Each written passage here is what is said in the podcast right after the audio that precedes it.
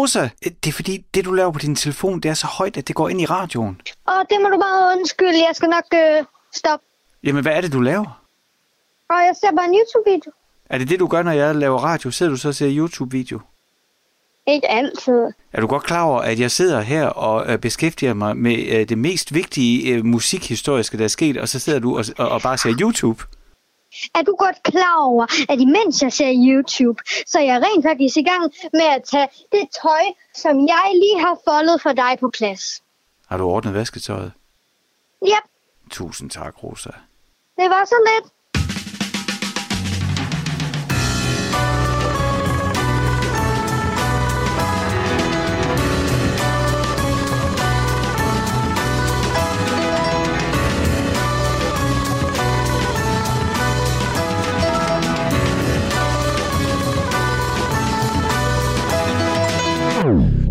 Lytter til Stusgade på Radio 4 med mig, Frederik Hansen. Og det her, det er Frank Zappa og Peaches on Regalia.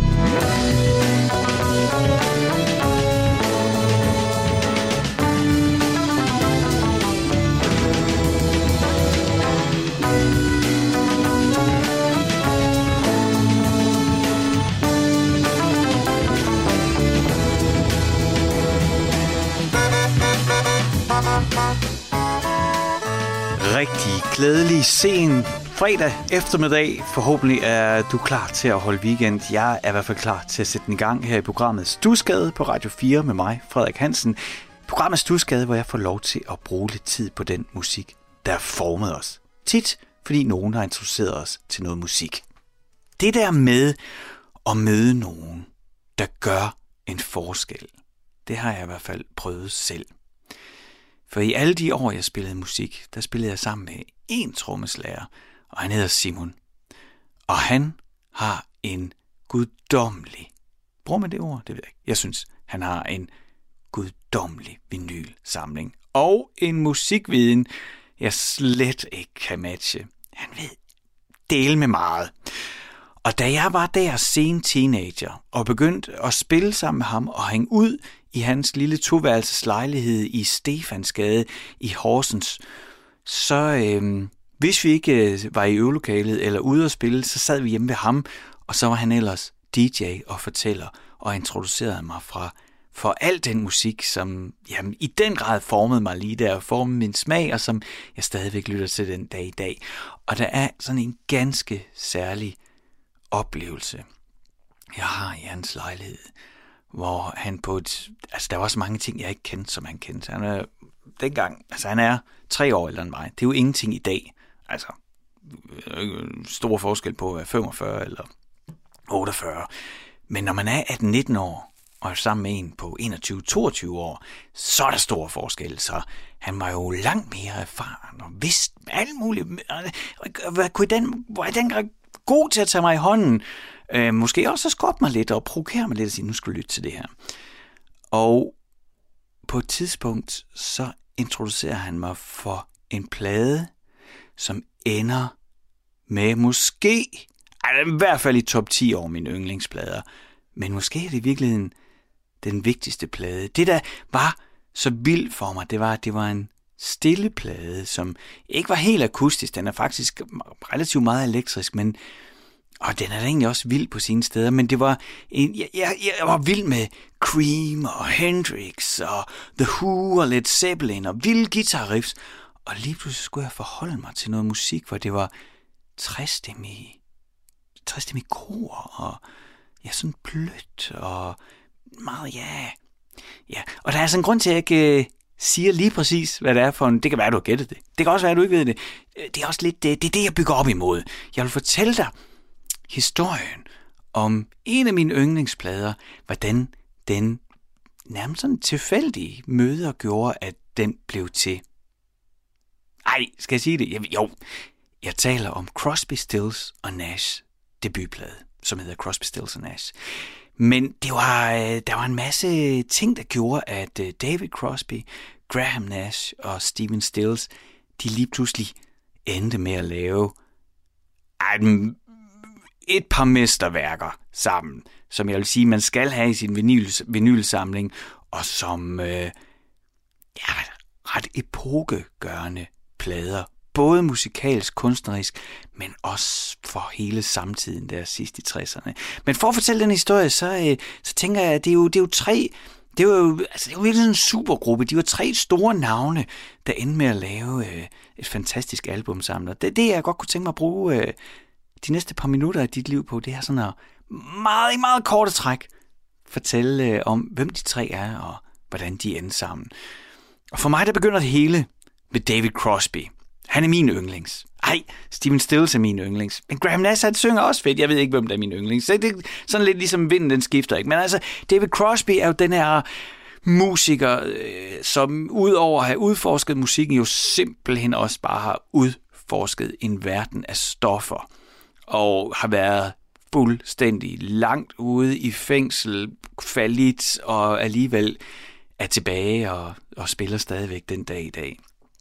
Men han begyndte sin rigtige musikalske karriere i bandet The Birds. Og ja, på trods af, at jeg jo egentlig synes, at han er en stor stjerne, så der i, i, i med, øh, hvad, øh, med Roger McGuinn og, og hele den flok, der var i, øh, i Birds, der, der kæmpede han lidt for at finde sin rolle. Han var ikke øh, den foretrukne sangskriver. Altså, The Birds fik jo deres kæmpe gennembrudshit med Bob Dylans Hey Mr. Tambourine Man. Øhm, og det var, ja, det var så cover. De, de, altså, de spil, lavede, indspillede flere numre, som var skrevet af andre. Der var ikke helt sådan begejstring for David Crosbys sange. Også fordi, at den producer, de havde, det øh, var Terry Melcher. Det var Terry Melcher, der producerede The Birds, og han var ikke vild med David Crosby. Så jeg, altså, jeg tror, man skal forestille sig, når de så var i studiet, og, og vil gerne være de, det næste Beatles, den store rock, store rockstjerner, der på en eller anden måde de, der kunne, kunne forene den amerikanske folkmusik med de nye rytmiske linjer, ikke? og så, så, så være sådan en som David Crosby, der er skrevet, når man kan se nu, ikke? altså i bagspejl, hvor mange fantastiske sange han har skrevet, så var han altså fanget i noget, hvor han ikke helt følte sig værdsat, og så havde de også en producer, Terry Melcher, som slet ikke kunne lide ham, og, og på en eller anden måde tabte han alle diskussionerne inde i studiet, så der aldrig var hans sange, der blev prioriteret. Og hvis du måske lige tænker, Terry Melcher, har jeg ikke hørt det før? Det kan godt være, du ikke har, men det kan godt være, du har det før, så riser jeg lige op for dig. Terry Melcher var søn af Doris Day, øh, så han var ligesom født ind i den her Hollywood-verden. Det hele her, alt hvad jeg taler om lige nu, det foregår jo i Kalifornien i, i Hollywood. Øhm, men så var han også øh, venner med Dennis Wilson, altså en af Wilson-brødrene fra Beach Boys, trommeslageren fra Beach Boys. Og hvem var det nu lige, Dennis Wilson havde et sådan rimelig, ja, øh, skal man sige, uheldigt venskab med? Det var Charles Manson. Og det var rent faktisk i Terry Melcher, altså ham, der producerede The Birds, det hus, han boede i, hvor Dennis Wilson engang var på besøg og havde det Charles Manson med op for at sige hej til Terry, det var det hus, som Roman Polanski senere flyttede ind i sammen med Sharon Tate. Og det var så også det hus, hvor Sharon Tate sammen med tre andre, og jeg og så hendes ufødte barn, jo, øh, ja, blev slået ihjel af Manson-klanen. Det er en anden historie, den skal vi ikke dykke ned i i dag. Øh, der kan jeg jo kun anbefale, og øh, der er jo masser der findes masser af kilder til at fortælle den historie. Det, vi snakker om i dag, det er, hvordan Crosby, Stills Nash de blev til, fordi de er et af mine absolut yndlingsbands, der har lavet en af mine absolut yndlingsalbum. Så vi begyndte med, at David Crosby altså var med i The Birds, som jo havde et kæmpe hit med Turn, Turn, Turn.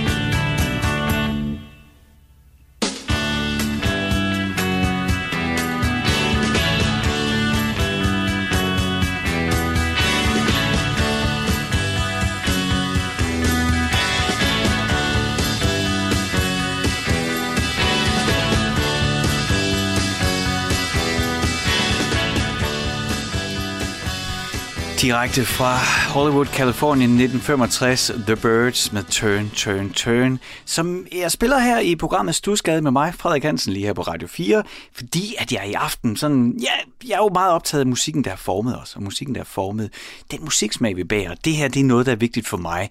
Det er det, der kommer til at blive Crosby, Stills og Nash. Og grunden til, at vi lige hørte The Birds, det var jo der, hvor David Crosby kom. Han var med i The Birds, men var ikke rigtig anerkendt. Altid i konflikt med deres producer Terry Melcher, og ja, følte sig ikke værdsat som sangskriver. Og i 1967, der får han så sparket efter nok også har været en lille smule træls, som man siger.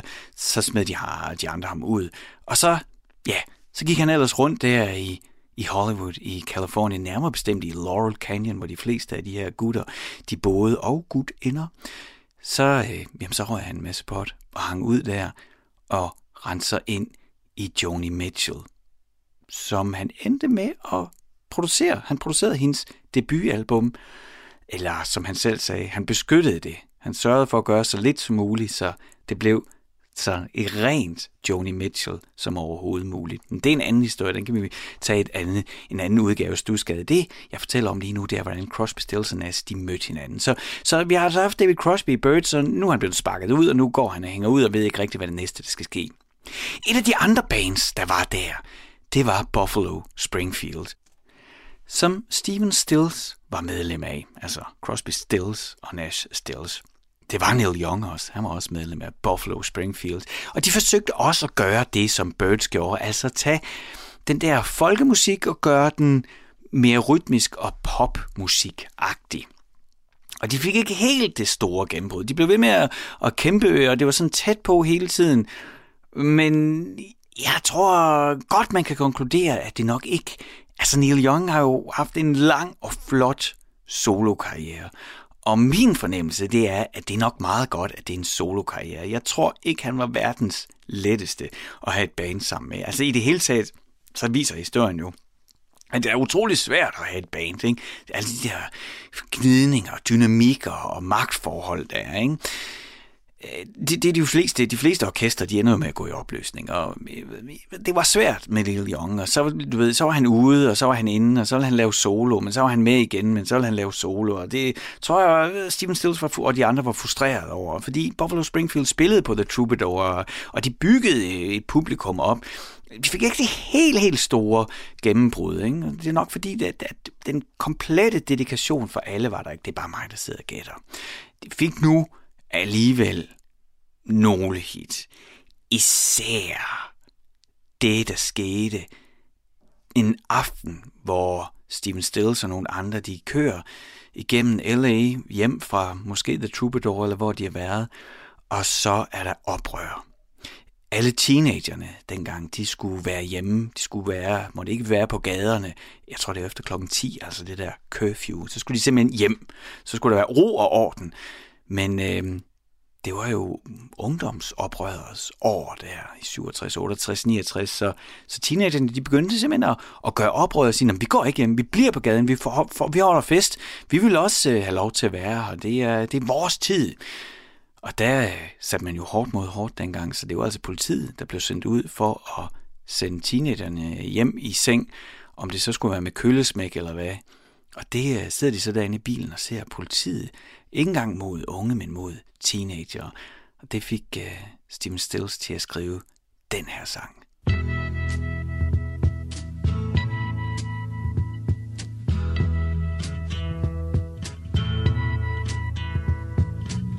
There's something happening here. But what it is ain't exactly clear. There's a man with a gun over there are telling me I got to beware. I think it's time we stop, children. What's that sound? Everybody, look what's going down.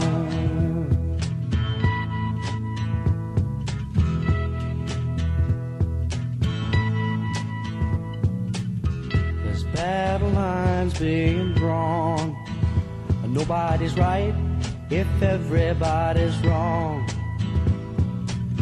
Young people speaking their minds are getting so much resistance from behind. Time we stop. Hey, what's that sound? Everybody, look what's going down.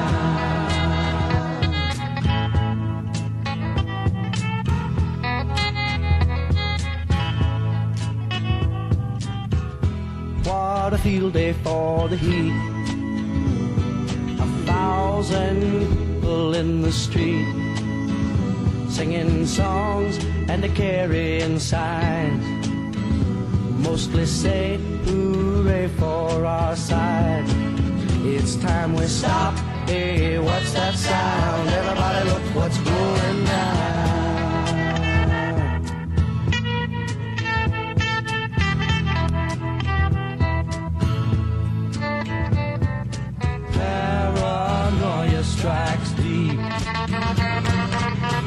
Into your life it will creep. It starts when you're always afraid. Step out of line, the man come and take you away. We better stop. Hey, what's that sound? Everybody look what's going. Better stop. Hey, what's that sound? Everybody look what's going. We better stop now. What's that sound? Everybody look what's going. We better stop.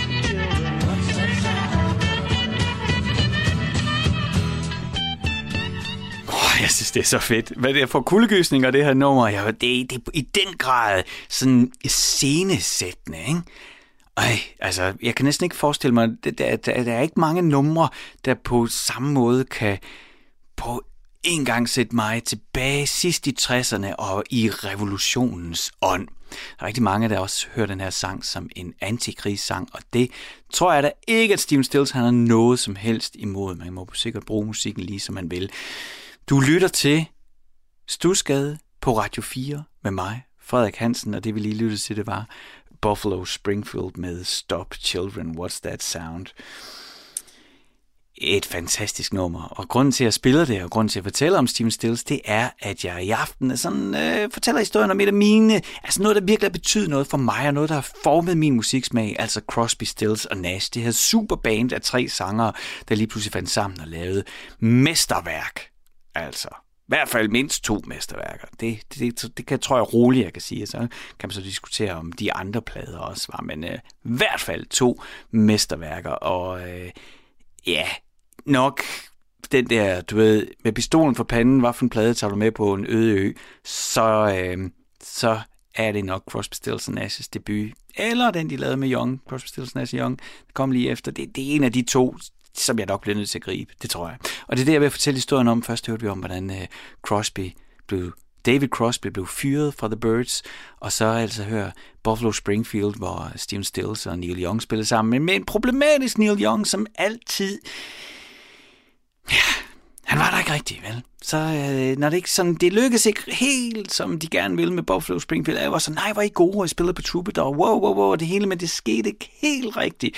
Og så var det jo, at øh, Young, øh, Neil Young hele tiden flirtede med, at jeg laver min soloplade, jeg gør det og det og det, og øh, Steven Stills nok blev mere og mere frustreret. Og til sidst endte det så med, at de gik i opløsning. Så nu har vi altså øh, David Crosby gående, som selvfølgelig lige har produceret Joni Mitchells øh, debutplade, og øh, jeg hænger ud og jammer med de folk, der er omkring ham, og, og nu er Steven Stills altså også uden band, og, og de to kender hinanden, og jamen, hænger også lidt ud sammen, og spiller lidt for hinanden, og jammer lidt sammen, uden at, at de rigtig ved, hvad skal det føre til. Det kunne sikkert være meget fedt at lave noget, tænker Crosby og Stills. Men hvad er det lige, det skal, og hvad er der op i tiden, og hvad, hvad, hvad er det egentlig lige, vi vil? Nå, på den anden side af Atlanterhavet, i Nordengland, der er det sidste navn, det er jo altså Crosby, Stills og Nash. Graham Nash, som sang i The Hollies. Hollies lavede jo fantastisk 60'er popmusik, men også meget uskyldigt, grænsende til nogle gange det fæsende. Er det, er det flabet at sige det. Altså, jeg vil, det, det, øh, Holly skrev, der findes nogle fantastiske Holly-sange, ingen tvivl om det, men det er også nogle gange, synes jeg, en lille bitte smule kalkuleret popmusik. Det er meget pænt, det er meget poleret. Og Hollis havde ligesom fundet en opskrift, der fungerede, hvor de kunne sælge plader, og de kunne spille koncerter, og de kunne leve godt af det. På et tidspunkt så tager hele Hollis-banden øh, ja, så flyver de jo så over Atlanterhavet, ender i Kalifornien, for øh, især nok drevet af, at Nash han gerne ville, der skulle ske noget nyt. Så mm, få noget inspiration ud og se, hvad sker der derude. Og Graham Nash bliver med det samme utrolig fascineret af hele den her folk, blanding af folk og rock.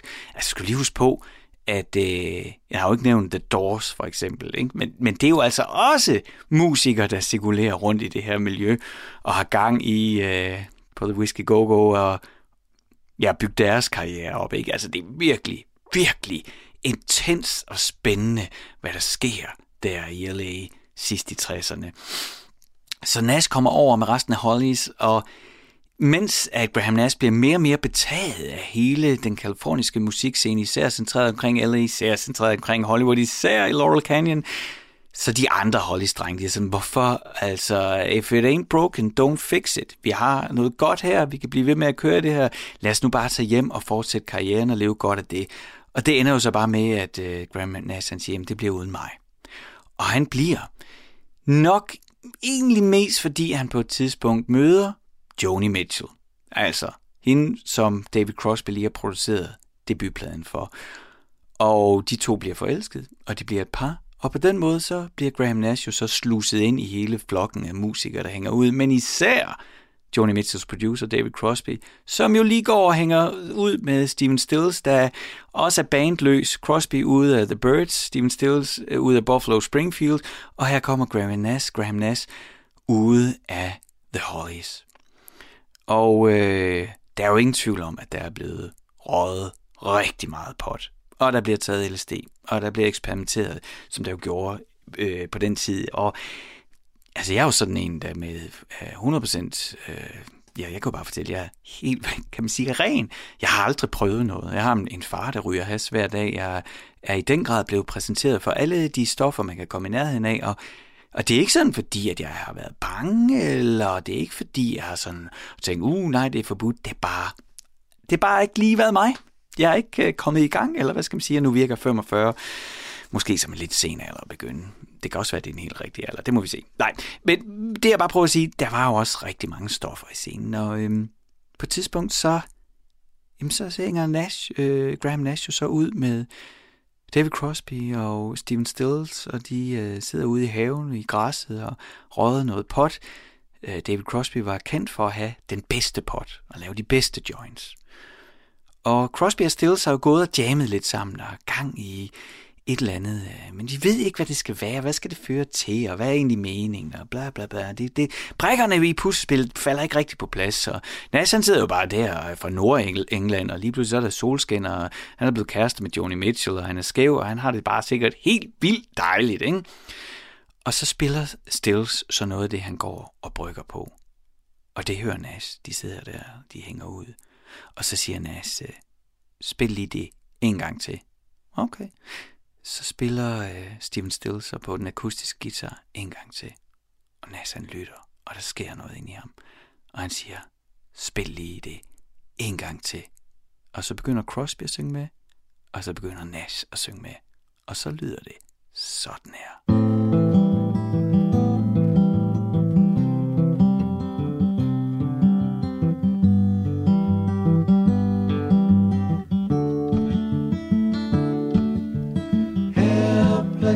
Hoping her harlequin hovers nearby, awaiting a word,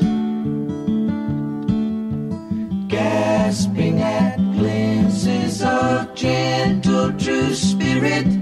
He runs, wishing he could fly, only to trip at the sound of goodbye.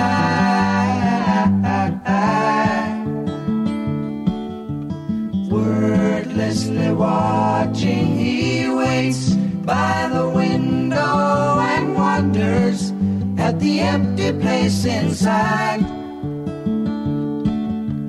Heartlessly helping himself to her bad dreams, he worries.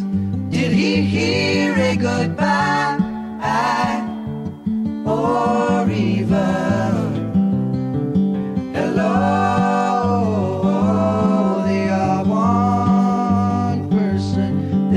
two alone, they are three together, they are for each other.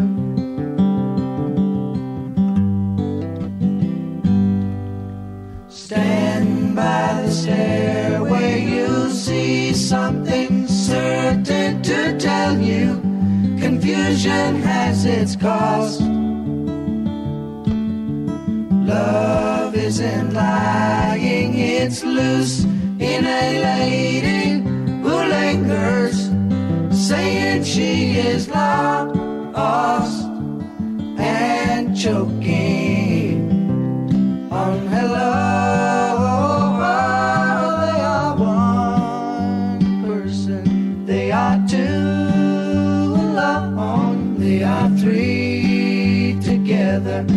They are for, for each other.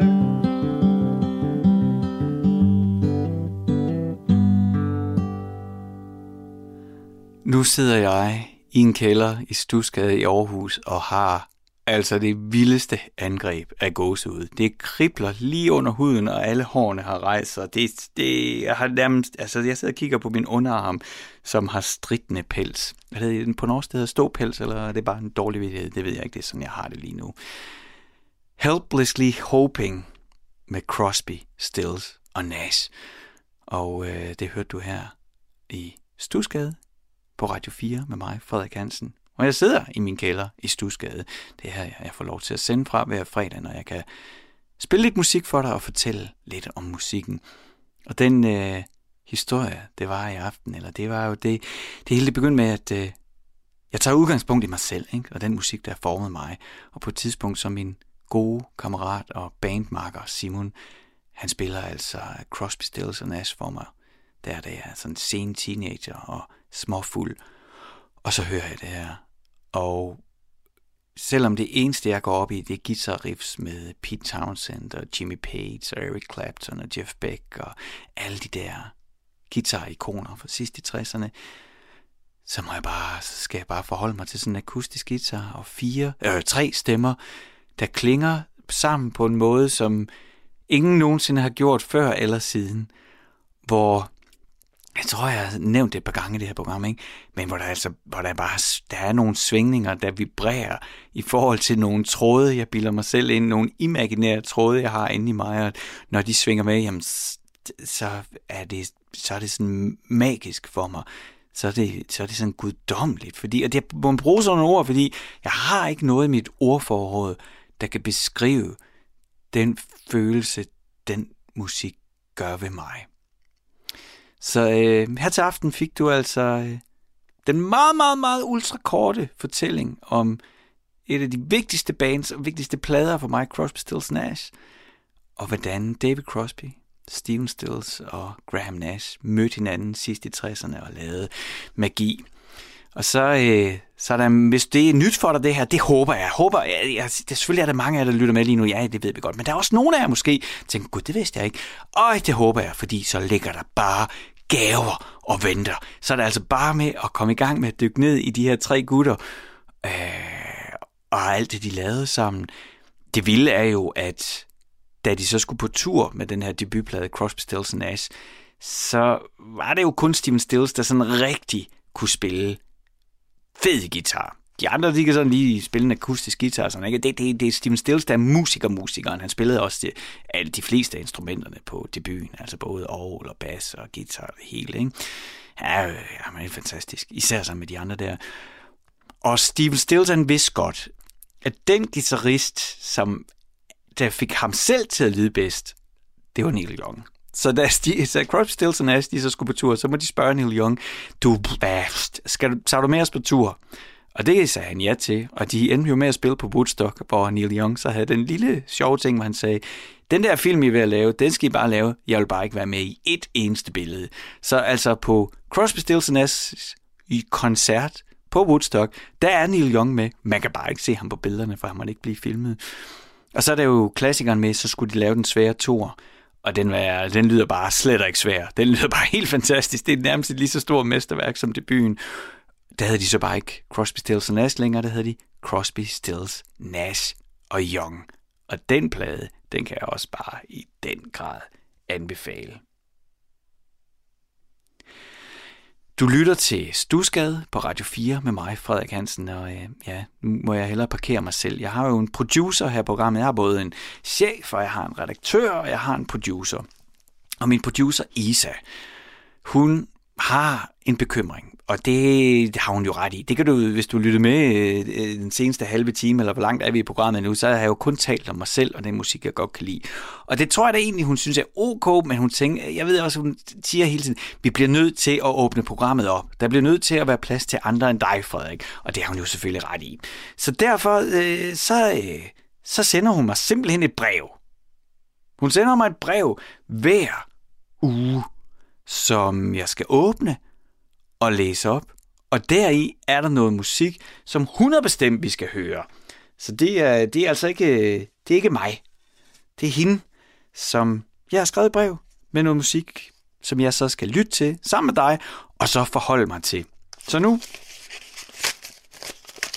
åbner vi altså her brevet fra min producer Isa, og så læser jeg det for første gang. Kommer her. Kære Frederik, nu er det vist på tide med noget lidt mere nutidigt og dansk musik her på Isas liste, som hun kalder den. Altså jeg skal lige sige, Isa ved jo ikke, at, øh, at jeg har lavet om Crosby, Stills og Nash for sidst i 60'erne, men hun har åbenbart godt vidst, at det her det nok ikke var noget, noget ny musik, jeg selv havde valgt, så øh, jeg, jeg tror, det er derfor, hun skriver, at det er på tide med lidt nutidigt, og så også dansk. Fair nok.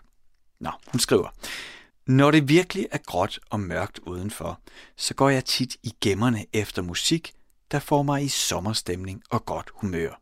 Og et af sidste års helt store sommerhit kommer fra Brian fra Aalborg, a.k.a. Lord Siva. Han har nemlig lavet en version af Folkeklubbens Solværv, som, ja, den fungerer altså. Det tog mig lidt tid at være helt på, men når jeg hører den i min bil nu, kan jeg ikke lade være med at synge med og rokke på skuldrene. Så derfor, Frederik, skal du spille Solvæv med Lord Siva.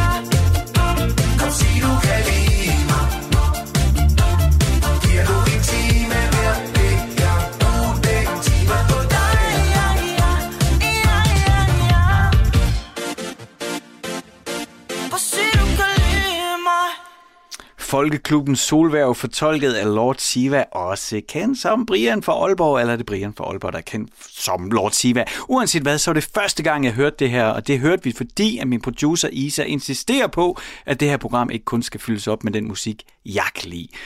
Og heldigvis er det, det, her, ja, det er simpelthen ikke lykkes for hende endnu at spille noget musik, jeg ikke kan lide.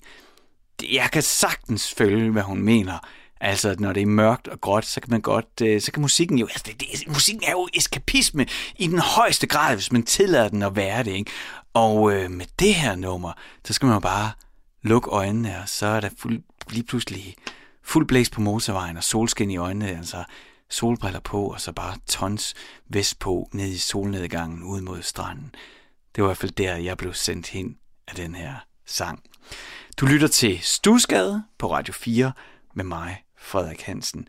Og øh, jeg elsker jo, når I skriver herinde.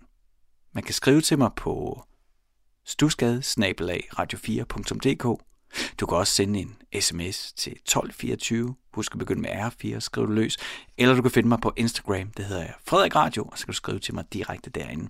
Og det gør jeg, og det er så dejligt. Altså udover at, øh, at øh, det er dejligt at vide, at jeg ikke er alene, at I er derude. Jeg sidder her alene i kælderen lige nu, så jeg kan jo ikke vide, hvem der er derude. Så der med, når jeg kan når I skriver til mig, at I har hørt programmerne, uanset om det er ros eller ris, det, det er bare det, at jeg ved, at I er der. Og så det, som jeg har efterfor, øh, efterlyst, og bliver ved med at efterlyse, det er jo de der, har du en fortælling? Er der nogen derude, du gerne vil sige tak til? Er der nogen, der har haft særlig betydning for dig og den musiksmag, du har i dag? Var det din store søster, der spillede Whitney Houston for dig, og du elsker diva øh, pop nu? Eller var det en onkel, der havde en pladesamling? Eller hvad det end kan være? Hvis der er nogen derude, som på et tidspunkt spillede noget musik for dig, som har betydet noget særligt, som har formet dig, som du bare ikke kan kaste af dig igen, så vil jeg så gerne høre fra dig. Så skal du altså skrive til mig. Og det har Lars gjort. Han har skrevet til mig ind på Instagram. Jeg hedder Frederik Radio i et ord. Du kan bare søge på det, så popper jeg op, så kan du følge mig. Der kan du også få playlisterne fra programmet og så videre. Og følg lidt med i, hvad der sker, hvis det er det, du gerne vil. Og nu vil jeg altså læse uh, Lars' besked, som jeg fik på Instagram op, fordi jeg bliver bare så glad over sådan noget her. I midt-90'erne, det er altså Lars, der skriver til mig, i midt-90'erne var jeg vild med Pearl Jam, Nirvana og Blind Melon. Følte mig ret alternativ og rebelsk i Aalborg dengang. Så mødte jeg min kærestes søsters kæreste. Havde hørt, at han også var vild med musik. Så da han skulle komme på besøg en dag, satte jeg en B-side med Blind Melon på. The Pusher. Jeg vidste godt, at det ikke var deres eget nummer, men vidste ikke så meget mere end det. Han kommenterede straks noget på udførelsen, som han ikke var helt tilfreds med i forhold til originalen. Senere spillede han nogle numre fra en gruppe, som hed Love. Eller de hedder Love. Jeg synes navnet var prætentiøst, og vokalen lød i mine ører som en hysterisk påtaget Amadeus i Kubricks film. Og dette er til trods for, at jeg havde smagt en del af den hellige fniseurt dengang. Et års tid senere satte jeg pladen på igen, og bang, jeg var pludselig omvendt. Jo, jeg har en relativt bred musiksmag, men min pladesamling rummer i dag 80% psykedelisk rock, rock folk primært fra 1965 til 75 fra den amerikanske vestkyst. Altså, jeg vil læse beskeden op for Lars, men jeg siger bare lige, at han nævnte Love, ikke? Love var også nogen. Jeg, jeg begyndte programmet med at fortælle om Crosby, Stills Nash, og hvordan de tre drenge mødte hinanden der i, i Los Angeles i sidste 60'erne. Det var altså også der, hvor samtidig med, at øh, uh, Doors brød igennem, så var det også der, hvor bandet Love hang ud og nemlig den her psykedelisk rock folk. Nå, fra den amerikanske vestkyst. Alle kender, nu, nu er jeg tilbage til Lars' besked. Han, Lars har skrevet til mig på Instagram for at fortælle om den musik, der er formet ham. Nå. Alle kender Doors, skriver Lars, Jefferson Airplane og Moby Grape. Men de store i denne verden er 13th Floor Elevators, Golden Dawn, Rex Holman, Jack Holmes, H.P. Lovecraft og et hav af mindre grupper. The Doors of Perception blev i sandhed åbnet.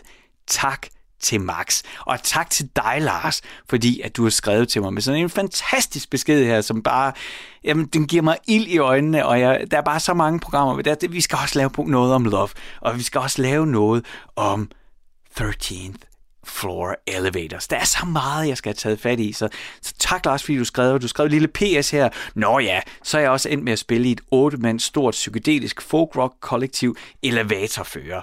Tak for et godt program. Fedt indslag om lilletrummen. Og der tænker han tænker på, at jeg på et tidspunkt havde en snak med min far omkring, hvordan produktionen af lilletrummen i 80'erne ja, er et udtryk for, hvordan producerens rolle også ændrede sig. Du lytter til Stusgade på Radio 4 med mig, Frederik Hansen, og det jeg lige læste op, det var altså en besked, som Lars havde sendt til mig inde på Instagram. Og det kan du også gøre. Er der nogen derude, du gerne vil sige tak til? Er der nogen, der har haft særlig betydning i forhold til, hvad der har formet din musiksmag? Jamen, så skriv til mig på stusgade radio4.dk eller send en sms på 1424. Husk at begynde med R4 mellemrum, så lander den lige her i Radio 4 system. Eller gør ligesom Lars Larsen har gjort, som sendte en tak til sin kæreste, sin kæreste søsters kæreste Max. Find mig på Instagram. Det er super let. Du skal bare søge på Frederik Radio i et ord. Så burde det være meget, der dukker op, og så kan du så skrive til mig derinde, og så lander lige her på min telefon. Du lytter til Stusgade her på Radio 4 med mig, Frederik Hansen, og jeg fik nævnt på et tidspunkt, at, at vi på Radio 4 er jo underlagt forskellige betingelser for at få fat i de her public service kroner. Og en af dem, det er også, at vi i kulturformidlingen får dækket flere genrer af musikken, end måske dem, jeg lige interesserer mig for. Så derfor sammen med min redaktør Sati og min producer Isa, så vi sådan opfundet, ja man kan sige et slags lykkehjul, bare genrehjulet. Og på genrehjulet, der kan man finde alle de registrerede musiktyper, der er i vores database. Det er jo sådan, at øh, man, når der spiller musik i radioen, så bliver det jo registreret til koder. Vi har en, en, en hel liste. Jeg tror, der er 70 genrer. Og dem har jeg simpelthen tænkt mig at gå igennem i løbet af det her år. Det er meget god. Altså, så kommer vi i hvert fald minimum igennem 51 genre i år. I sidste uge, øh, der landede øh, hjulet på reggae, og jeg har fået øh, sådan en seddel fra min producer Isa, som, hvor jeg kan se, at overskriften er Japanese pop rock. Så det er altså den genre, vi skal lytte til nu, så vi både sikrer, at vi dækker bredt, men jeg er faktisk også lidt nysgerrig. Det kan jo godt nogle gange være indgangen til at opdage ny musik. Man kan jo altid håbe. Nu læser jeg altså op her, hvad Isa hun har skrevet, min producer. Det er tid til genrelisten igen. En liste af genre og kategorier inddelt for, at vi kan registrere al musikken korrekt under sin egen rigtige kategori. En lidt kedelig teknikalitet, der faktisk kan blive sjov, hvis man går på opdagelse i den. Det er altså Isa, der skriver det her. Pop-rock er måske verdens største kategori, og under den, der finder vi Japanese pop-rock, og her gemmer den store trend, der i folkemunde hedder J-pop sig. Jeg er gået på det store internet for at blive klogere på J-pop, der refererer til japansk popmusik, men som egentlig dækker over øh, alle mulige genrer fra japanske kunstnere. Selve fænomenet J-pop blev verdenskendt sidst i 80'erne og tidligt i 90'erne, selvom selve ideen med, at japanske kunstnere blev inspireret af Vesten, allerede startede omkring 1. og 2. verdenskrig. Dengang begyndte det som japanske covernumre og versioner af vestlige hit, hvor den moderne version i dag er helt sin egen genre. Og det er altså Isa, der har lavet den her research, fordi hun skriver, jeg har fundet en gruppe, som er ret interessant. Det er en af de bedst tjenende J-pop-grupper, og så den helt særlig på den måde, den er skabt på, meget langt fra det, vi kender og forventer af musikgrupper her i Danmark. AKB48 er en stor gruppe af medlemmer idoler. Okay, det er så simpelthen nærmest sådan en fagforening, kunne man forestille sig. Gruppen blev skabt i 2005, hvor næsten 8.000 piger gik til audition, og 24 blev valgt ud som de første originale medlemmer af gruppen. Ideen var at skabe en gruppe med 48 medlemmer, så gruppen kunne spille flere steder på én gang og møde en masse fans hele tiden. Det, det, det, det, det, er, det, er, det er sjovt. Hvilken udgave af AKB48 har du set? Nå, okay. Øh, så de kunne også spille flere steder på én gang. De har deres helt eget teater i bydelen Akihabara i Tokyo, hvor de spiller koncerter. af navnet AKB Akihabara plus 48 medlemmer. Hmm. Det fungerer på den måde, at de mange medlemmer er opdelt i forskellige teams. Team A, Team K, Team B, Team 4. Hmm. Hver team har så et tema, så de adskiller sig fra hinanden. Jeg ved ikke, om det overhovedet giver mening. Det er en helt anden verden, end den musik, jeg personligt kender. Nu skal du, og det er altså min producer Isa, der har researchet på Japanese pop. Og hun skriver, nu skal du sætte Teacher Teacher på, så vi kan høre what the fuss is about. Teacher Teacher er fra 2018 og har solgt mere end 3 millioner eksemplarer. Det er nok til bladguld på carporten. Hmm. Jeg kan varmt anbefale at se de her optrædende på YouTube, så får man en idé om, hvad det hele handler om. Og det er altså AKB48 Japanese Pop, vi skal høre J-pop, som har solgt mere end 60 millioner plader, og i 2010 fik de en plads i Guinness rekordbog som den største popgruppe i verden. Lad os lytte til det. 気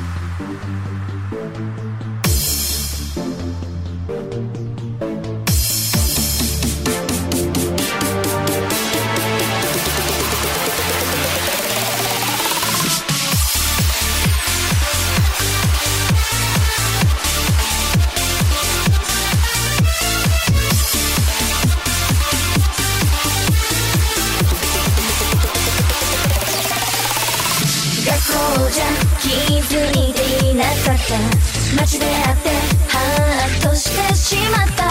男性だって今さら思い出したいけてるんじゃない。声かけようと迷ってこぼれそうな顔さらって運命とは多くのって話を聞かせて誰かに見られて噂されても私は平気。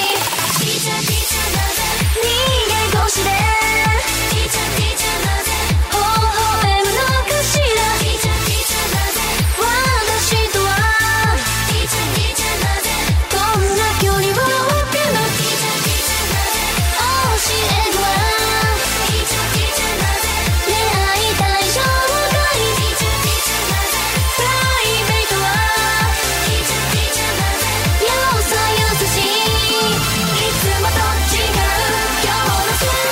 Det var altså Japanese pop, J-pop med AKB48, det her japanske succesband med 48 medlemmer delt op i fraktioner, så de ofte har koncerter på samme tid, sammen flere steder, eller hvordan det var.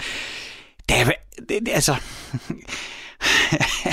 vi spillede det, fordi at øh, vi her på, på Radio 4 skal dække bredt med genre. Så derfor så lavede det her genrehjul, hvor min producer Isa hver uge vælger en genre ud, vi så researcher lidt på, og så, så skal vi lytte lidt til den, ikke? Jeg er nok ikke... Jeg bliver nok ikke fan af J-pop. Altså i hvert fald det, vi lige har lyttet til nu.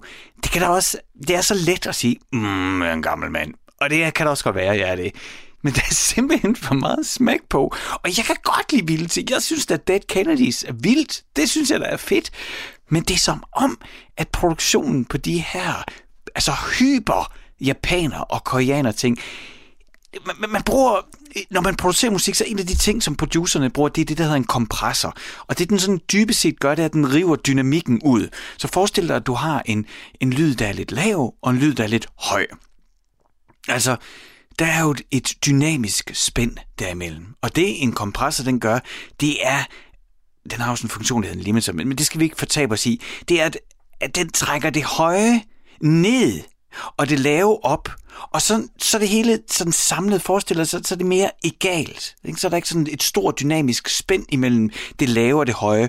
Og når, det når der ikke er det, altså ikke er nogen høje peaks, så kan man skrue højt op i mastereringen, altså den sidste proces, der sker i en produktion, den kan man skrue højt op, meget højt op, sådan at du skal forestille dig, at din, din højtaler, de står bare og vibrerer helt vildt, og der kommer ikke, der er ikke noget dynamik, det hele det bare sådan har jeg det, når jeg lytter til det her. Det er sådan yber kompresser, både i produktionen, men også i arrangementet og i leveringen. Det det hele, det er sådan, det er for meget for meget. Det er for vildt for mig. jeg kan mærke min puls og mit hjerte. Men nu har vi i hvert fald hørt uh, J-pop. Første time af Stusgade med mig, Frederik Hansen her på Radio 4, er ved at være forbi. Men i næste time er jeg tilbage med en gæst. Ikke en gæst hernede i kælderen, men en gæst, der er på en forbindelse til Nørrebro i København. Der sidder gitarristen Manoj Ramdas, som spiller med Sort Sol og Ravenettes, men også har sit eget projekt Spectre. Han er... Ja, har jeg sagt det et par gange nu? Det ved jeg ikke. Jeg, jeg, jeg, jeg er lidt fortabt mig i det her program, øh, hvor, øh, ja, hvor vi jo øh, ud over J-pop øh, også lige var en tur forbi Lord Siva fra Aalborg, og hvor jeg fik lov til at fortælle om, hvordan David Crosby, Steven Stills og Graham Nash, de mødte hinanden og formede Crosby, Stills og Nash. Der skal jeg altså lige sige, at jeg ved ikke, om den er der endnu, men der har været en øh, i to afsnit fantastisk musik dokumentar, ikke kun om dem, men omkring alt, hvad der skete, især det område, der hedder Laurel Canyon øh, i LA, på DR's hjemmeside. Må, må man godt det på Radio 4 reklamere for noget på DR's hjemmeside? Det gør jeg. Der kan du altså, hvis du gerne vil høre mere om den der sidste tid i 60'erne i LA, så kan jeg anbefale de to afsnit. Det er helt fænomenalt. Det er altså en musikdokumentar på øh, musikdokumentar fra øverste hylde. Det er virkelig, virkelig godt. Nå, men det er jo ved at tale om det med Nosh Ramdas, gitarristen øh, med det indiske navn, de indiske forældre, som jo bare simpelthen kommer fra alt fra Sønderjylland i Sønderjylland. Ikke? Øh, han kommer øh, ikke i kælderen, men på en fjernforbindelse Nørrebro til at fortælle om, hvad det er for noget musik, der har formet ham. Det glæder jeg mig til. Vi høres ved i lige om fem minutter efter nyhederne her på Radio 4.